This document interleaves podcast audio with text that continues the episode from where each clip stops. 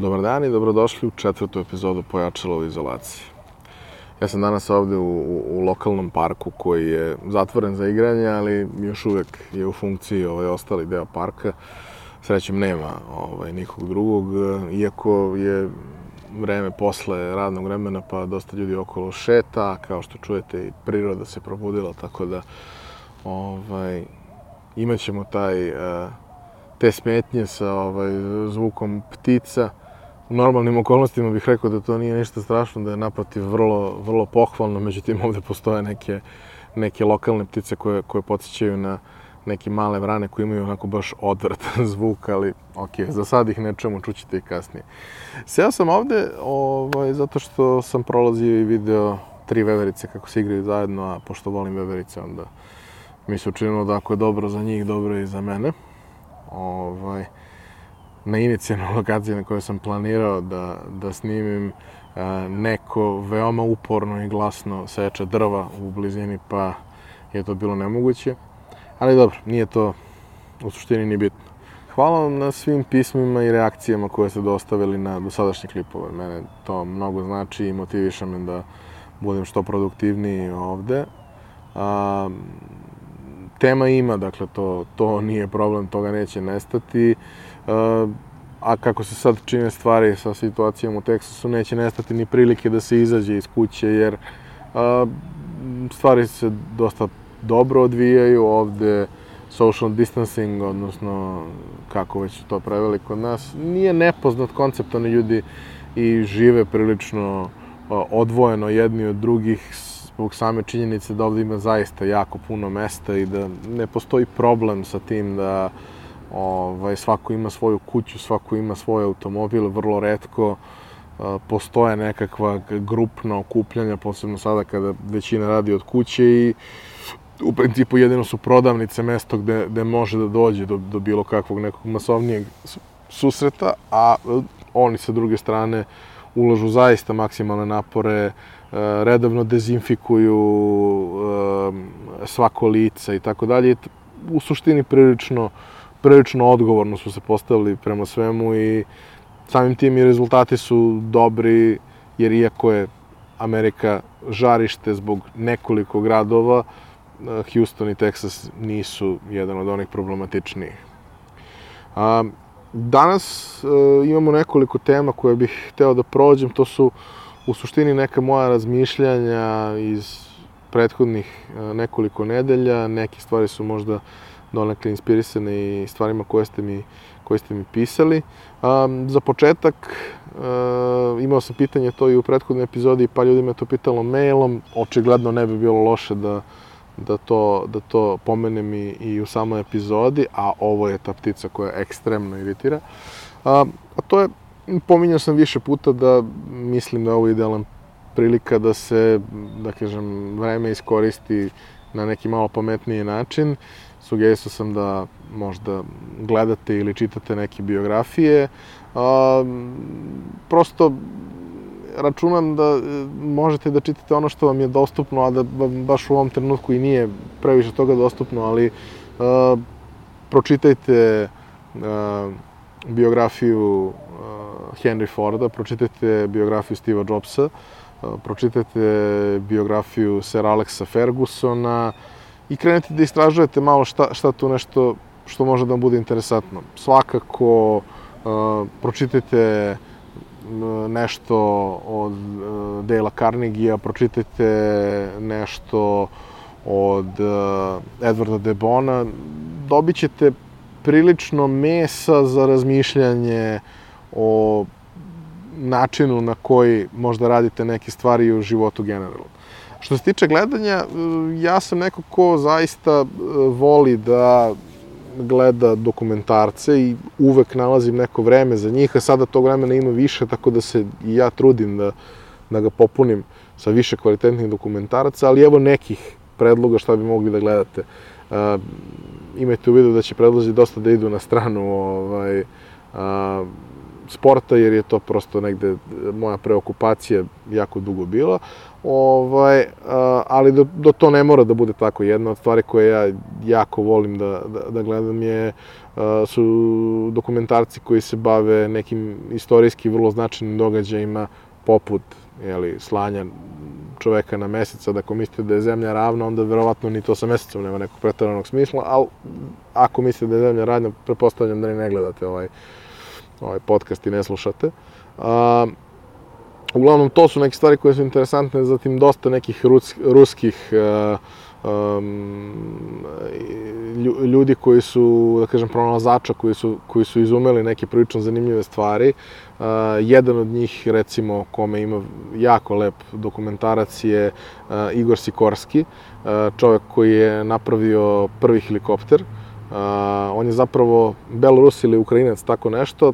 Sve svoje velike izume napravio u Americi, uh, jer u Rusiji nije imao dovoljnu podršku za tako nešto, ali e, to je vrlo interesantno jer e, svi današnji helikoptere rade na principu koji je on postavio, a u suštini, ako analizirate malo cele stvari, to što je on napravio je u principu manje više gotovo nemoguće da se napravi. E, moraš da budeš mnogo posvećen i prilično lud da bi, da bi to uspeo. Takođe, e, recimo, prethodnih dana sam pogledao uh, sjajan dokumentarac o košarkaškom klubu Jugoplastika, a, jer, mislim, uh, šta god mi mislili, kako god bili podeljeni danas, Jugoplastika je osvojila tri uzastopne titule prvaka Evrope u klubskoj košarci sa faktički 100% domaćim igračima, sa, sa gotovo većinom jeli, igrača koji su lokalno proizvedeni i to je nešto što treba uzeti u obzir. Jugoplastika nam je uh, odškolovala do kraja uh, Božu Maljkovića, jednog od najvećih trenera koje, koje Srbija ima i verujem da, da je veoma interesantno ovaj, pogledati to. Zatim 250 stepenika, uh, prvi put kad sam ga gledao isplakao sam se kao, kao dete. 250 stepenika je dokumentarac uh, koji je pre nekoliko godina uh, snimljen vezano za uspeh mlade reprezentacije Jugoslavije na svetskom prvenstvu u Bormiju i kako su uh, profesor Karalejić i Kari Pešić kroz trogodišnji rad napravili najveličanstveniju mladu reprezentaciju koja je ikad nastupala i kako su vodili momke koji su nakon toga ostvarili najveće uspehe naše košarke. U suštini to je film o lepim stvarima Jugoslovenske škole košarke. Takođe, uh, serijal Zlatni momci, uh, ja sam ga gledao i tokom svetskog prvenstva u košarci, iako smo imali užasan internet, jednostavno bilo je previše važno i previše dobro da, da nisam smeo da ga propustim. Pogledajte i to. Uh, još jedan lep dokumentarac uh, ESPN je napravio pre nekoliko godina dokumentarac o Dream Teamu.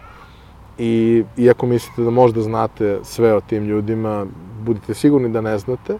I takođe budite sigurni da tu postoji jako puno lepih stvari koje možete saznati i naučiti, a jedna od njih je kako je Chuck Daly, koji je bio selektor Dream Teama, uh, uspeo da napravi kompaktan tim za vrlo kratko vreme od 11 igrača koji su postali nakon toga Hall of Famere, koji očima nisu mogli da se vide međusobno, a pritom prva zvezda cele priče Michael Jordan je bio igrač uh, Chicago Bullsa, Deli je bio uh, trener Detroit Pistons i oni su bili najveći mogući sportski neprijatelji koji postoje očima, nisu mogli da se vide, na kraju su postali veliki prijatelji.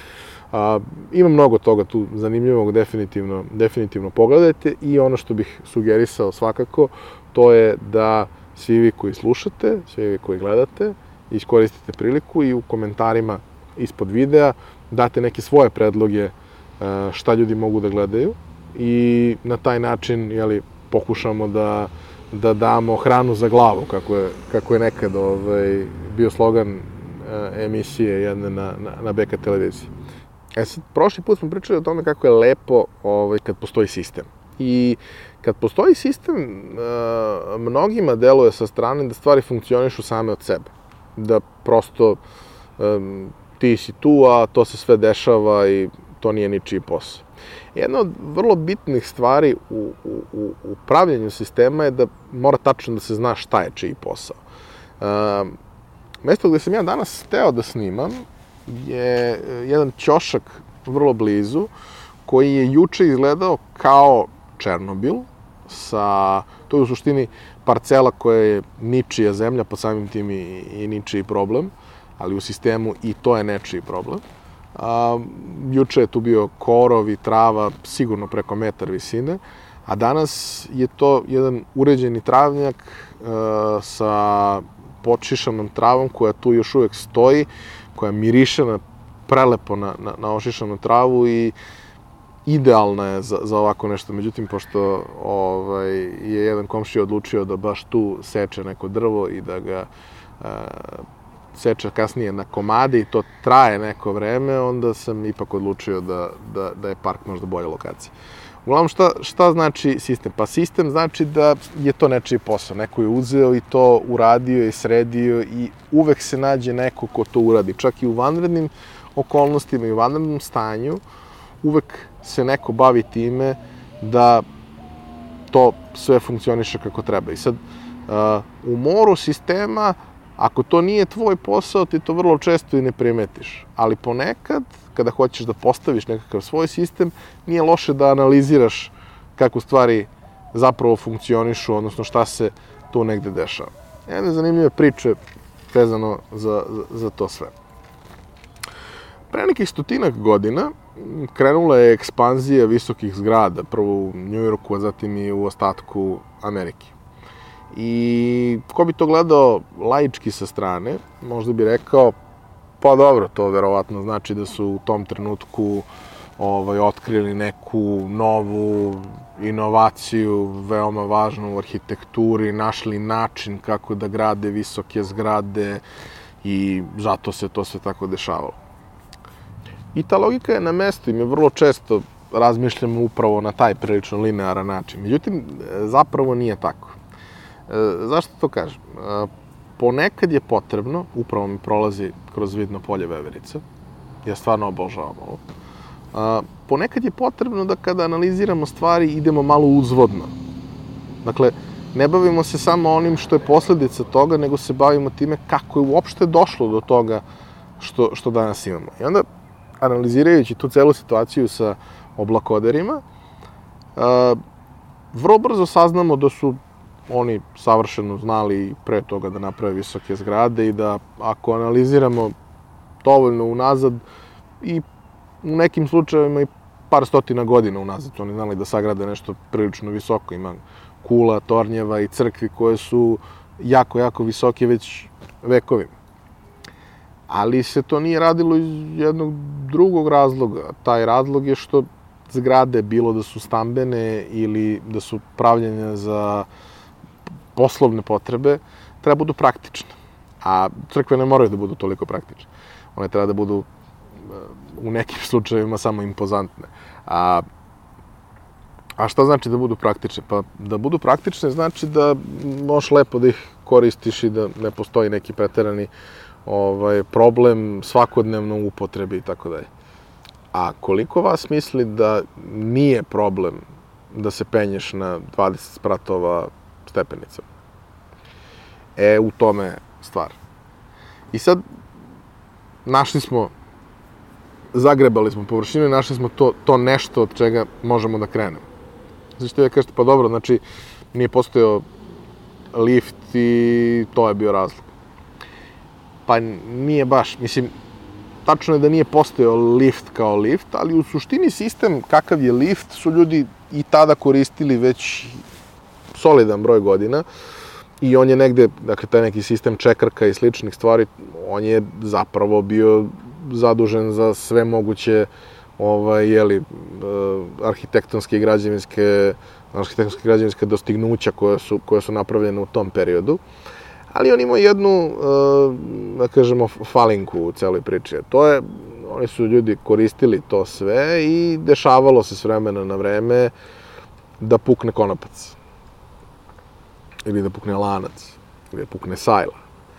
I kada nešto dižeš na visinu, da li je građevinski materijal ili nešto slično, pa dobro, pukne. Mislim, to je neki gubitak novca koji je najčešće beznačajan i idemo dalje. Ali ako pukne, a nosi čoveka, onda to baš i nije tako. Pa dobro, šta je, šta je poenta? Pa poenta je da trenutak kada je sve krenulo jako brzo da, da, da raste, da se širi je trenutak kada je porodica Otis, a i danas su Otis, je Otis najveća kompanija na svetu za proizvodnju i održavanje liftova, napravila kočnicu. Napravila kočnicu koja u slučaju da pukne kabel, sajla ili šta već, bezbedno zaustavi lift i svi budu evakuisani kako treba. E sad, nije to, to jeste bila tehnička inovacija, to je sve dobro, međutim, vi možete ljudima to da pričate do preko sutra i niko to ne bi verovao. Međutim, oni su iskoristili priliku da na jednom od najvidljivijih sajmova u tom periodu naprave demonstraciju toga, tako što će napraviti platformu koja se podiže nekoliko desetina metara, koja se podiže preko sistema čekaka kao koje su svi videli, sa koje će jedan od ljudi iz porodice pričati o njihovom izu. I to je držalo pažnju donekle, u početku ne nešto pretarano, ali kad je on došao na neku malo veću visinu, ljudi vole da vide jeli, šta se sve to dešava na velikoj visini. I onda je on u jednom trenutku samo rekao, e, pogledajte samo dole, moj asistent koji me podiže je sada zaustavio se ovo, zavezao konopac i sve i ide nešto da uradi. I asistent se vratio sa sekirom i presekao kabel, odnosno konopac koji je, koji je to držao. I naravno svi su bili prestravljeni, svi su se a, maksimalno jeli, prepali, zabrinuli i tako dalje, a onda je njegov sistem uradio sve što je trebalo. Onda je on rekao, e ljudi, o ovome sam vam pričao. A, I to je proizvelo neuporedivo bolji efekat nego da je samo o tome pričao, nego da je zakupio nekakav oglas, nego da je e, napravio najbolju moguću prezentaciju toga svega, jer su ljudi videli u praksi da to radi i videli su kako radi i videli su da to zaista može da funkcioniše za svakog od njih. I onda je krenula ekspanzija. Još jednu priču bih hteo da vam ispričam i ona se negde nadovezuje na ono što sam pričao u prethodnoj epizodi i tu moju ljubav prema Njemačkoj i tome svemu. A, mislim da je značajna u ovom trenutku kada a, svi jesmo u problemu i svi jesmo u vanrednim okolnostima i svi jesmo zatvoreni, dobro ja sam u parku, ali mislim u suštini smo svi zatvoreni, a, ali nam se bliži period u kome ćemo svi biti veoma upućeni jedni na druge i jedini način da opstanemo će biti da se na neki način udružimo i da jedni od drugima vodimo računa. I sad je to u, u priličnoj meri tako, ali tek će biti. A, a to je priča, možda ste čuli, mnogi su čuli razne verzije toga, ja ću ispričati jednu za one koji nisu. To je priča o nekom prethodnom vremenu ali može prilično lepo da se postavi u ovo posebno što sad imamo ponovo tu ovaj, seobu sposobnih Srba u Nemačku. A, priča je o momku koji je bio dobar serviser raznih automobila, ono što kažu serviser opšte prakse ovde, majstor, koji u jednom trenutku odlučio da ode u Nemačku. I pošto je imao zanat u rukama, znao je to da radi, otišao je u Nemačkoj autoservis i odlučio da se prijavi za posao. I oni su mu rekli, dobro, mm, vidimo da znaš šta radiš, ali kod nas to ne funkcioniše tako. Kod nas nema majstora koji radi sve vrste automobila, kod nas se ljudi specializuju, završavaju obuke, dobijaju licence i mi prosto funkcionišemo na takav način. A, možeš da kreneš da radiš kod nas, ali krećeš sa najniže pozicije u servisu i ako pokažeš se kako treba, mi ćemo te kasnije obučavati i doškolovavati za sve ostalo što, što bude potrebno. I njemu nije bilo sve jedno, jer, mislim, došao je sa neke pozicije koja je mnogo više i dobio priliku da upadne u servis na, na mesto malog od palube. ali plata koju su mu ponudili, uslovi u Nemačkoj su prosto bili takvi da je on rekao, ok, ajde da probamo tako. I krenuo i sve to išlo prilično lepo. Međutim, jedan dan je otišao do, do toaleta i video da vodokotlić ne radi. Iznervirao se, otišao u obližnju radnju, kupio šta mu je trebalo i sredio vodokotlić. I onda sutradan kada su se skupili e, svi na, na jutarnjem sastanku, e, šef servisa je pitao e, ko je sredio vodokotlić. I on se sav ponosan javio i rekao pa ja sam. I on je rekao pred svima u servisu, e, dobro, e, molim te samo nemoj to više da radiš, e, sve je okej, okay, mi to ne radimo tako. Završio se sastanak, svi su otišli, i naš glavni junak je ostao i kao, pa dobro, ali zašto sam ja kažnjen za nešto dobro što sam uradio? Onda mu je šef servisa rekao, ne razumeš, i taj neko ko popravlja vodokotliće i ko radi kao vodoinstalater treba od nečega da živi. To nije bio tvoj posao. Mi smo trebali da pozovemo njega i ti si sada onemogućio njega da zaradi novac koji mu je potreban svako od nas ima svoje mesto u ovom sistemu. Postoji i drugačija verzija uh, ove priče. Uh, postoji jedna vrlo zanimljiva uh, varijanta koja se više odnosi na one visoko kvalifikovane od nas, ne, zna, ne na neke, da kažemo, pozicije koje nisu toliko, koje nisu toliko istaknute. Postoji priča o tome kako je Steve Jobs, nakon što je oteran iz kompanije Apple, odlučio da osnuje svoju narednu kompaniju i kroz tu priču, ako ikad budete istraživali Next kao kompaniju, vidjet ćete da ona nije bila komercijalno uspešna, to će biti bitno, za treću priču koju imam danas, nije bila komercijalno uspešna, ali je napravila neke fantastične tehnološke, tehnološka rešenja koje su kasnije korišćena kao baza za, za, za neke dobre stvari, ali komercijalno je bila prilično neuspešna. Međutim, jedna od stvari koje, koje su ljudi E, obožavali vezano za samu kompaniju je bio branding kompanije, način na koji je to sve izgledalo, način na koji su proizvodi izgledali, kasnije nešto što je jeli, postalo zaštitni znak i kompanije Apple kada se, kada se Jobs vratio.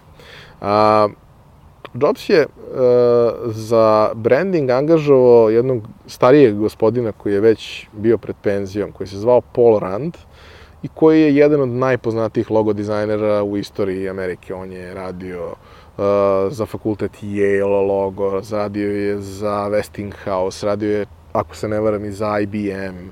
Dakle, desetine uh, logoa koji su postali globalno prepoznati. Mislim da je on radio i UPS i, i tako dalje. I Jobs je pozvao Randa, ispričao mu uh, šta je priča njegove kompanije, šta, šta su vrednosti koje kompanija treba da ovaj, promoviše, ispričao mu je sve što je bilo potrebno, a Rand je zapisivao u blokčić stvari koje je smatrao da su za njega važne.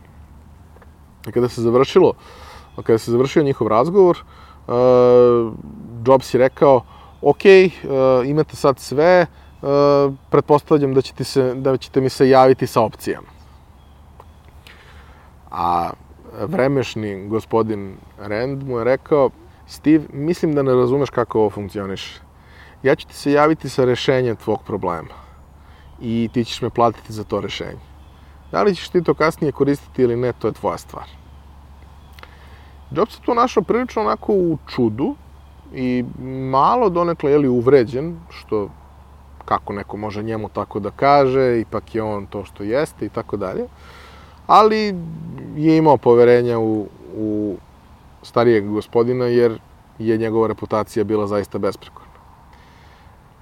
Ono što je negdje bitno da razumemo svi, a razumeo je to kasnije i Jobs, je da to nije značilo ja ću da napravim jednu varijantu, tebi ako se sviđa ti je uzmi, a ako ti se ne sviđa nemoj, nego je to više, ja ću da napravim 100 varijanti i ja ću da da sednem, analiziram sve dubinski i probat ću sve da svedem na minimum i predstavit ću ti ono za što smatram nakon duge analize da je najbolja opcija. A ti ćeš onda videti da li to tebi odgovara ili ne. znate one sličice, delili su ih mnogi, najčešće dizajneri, a, gde kaže cenovnik dizajnera, jedna kao, ako ja dizajniram 100 eura, ako ja dizajniram i vi gledate 200 eura, ako ja dizajniram, a vi pomažete 300 eura, i tako dalje, i tako dalje, i tako dalje. E, postoji nešto u tome da kada odabereš saradnika kome 100% veruješ ili možda ne veruješ 100%, ali reputacija njegova kaže da bi trebalo da ga poslušaš uprkos tvojim intimnim doživljajima, da možda ponekad nije loše da se to uradi, jer zašto si ga onda angažovao ako nećeš da ga poslušaš? Naši ljudi vrlo često imaju taj problem da sujeta preuzme kontrolu i da onda zbog nje ne urade to možda na način na koji bi trebalo. A, u trećoj priči poslednjoj za danas a, podelit ću sa vama jednu vrlo zanimljivu informaciju od pre nekoliko godina, a postoji veza sa drugom pričom kroz to da a, jeli, a, vrednost kompanije nije uvek a, razumljiva na prvu loptu.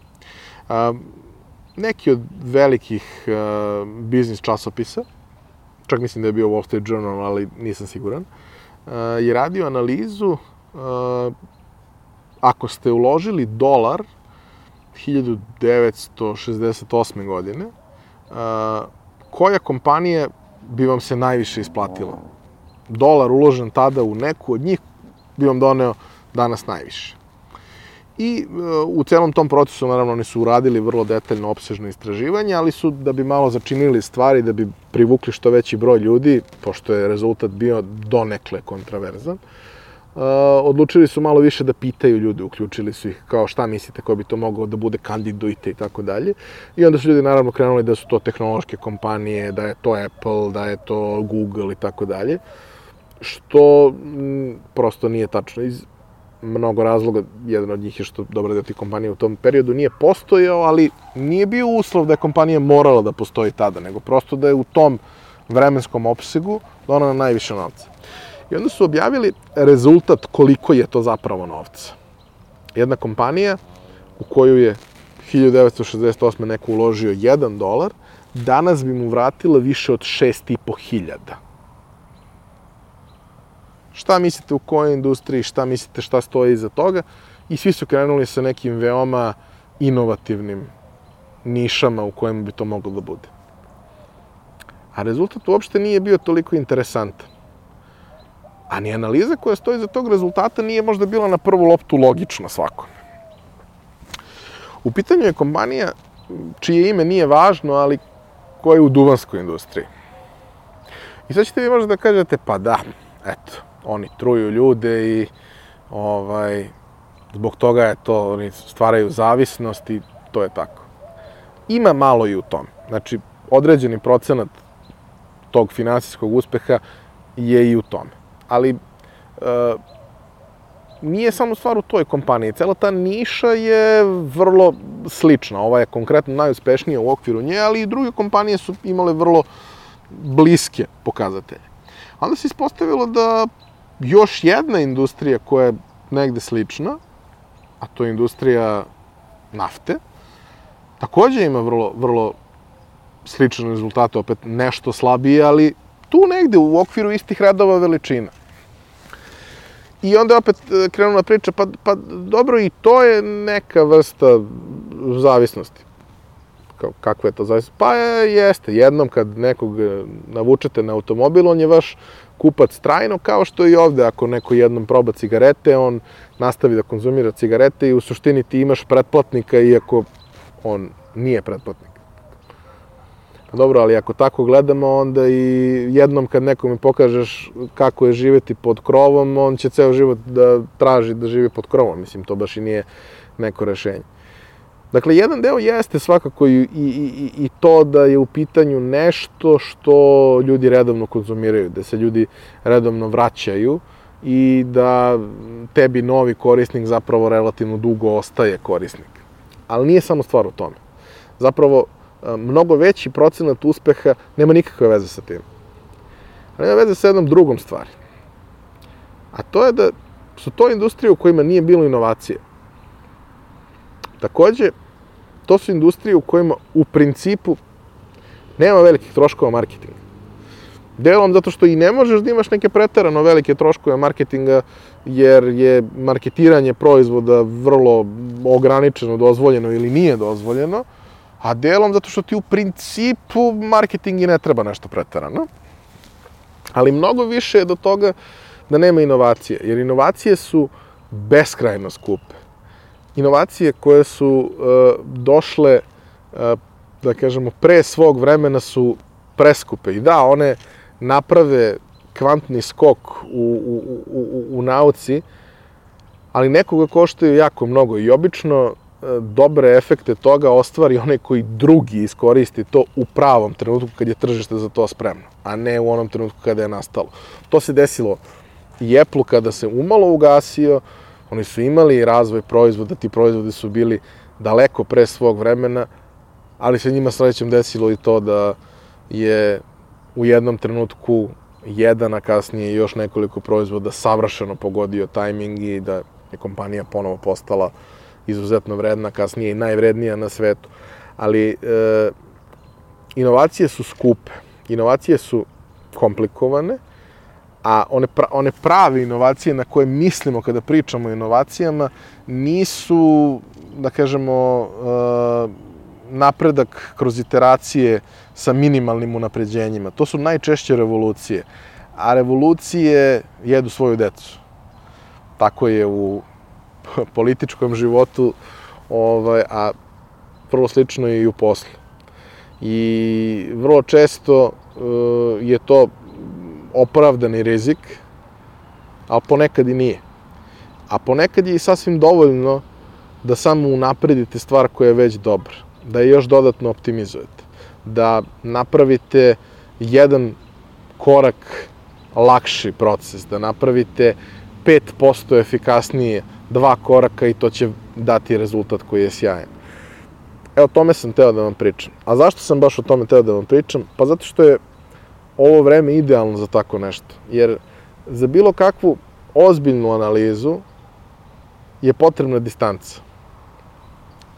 Ne mislim na socijalnu distancu ovako u parkovima i to se. Mislim na to da ne možete da rešavate suštinski, strateški nešto ako ste sve vreme uronjeni u problem iznutra, jer ne vidite stvari s polja. Ali ovo je bila prilika da se prilično svi distancirate i da malo sa strane sagledate stvari na kojima radite. Da imate dovoljno vremena i da se malo odmorite i da malo dođete sebi, a da onda sagledate još jednom sve sa strane i vidite da li postoji neki prostor za unapređenje. Iznenadili biste se koliko često uh, u takvim situacijama dođe do, do nekih veoma lepih rešenja koje na kraju donesu benefit.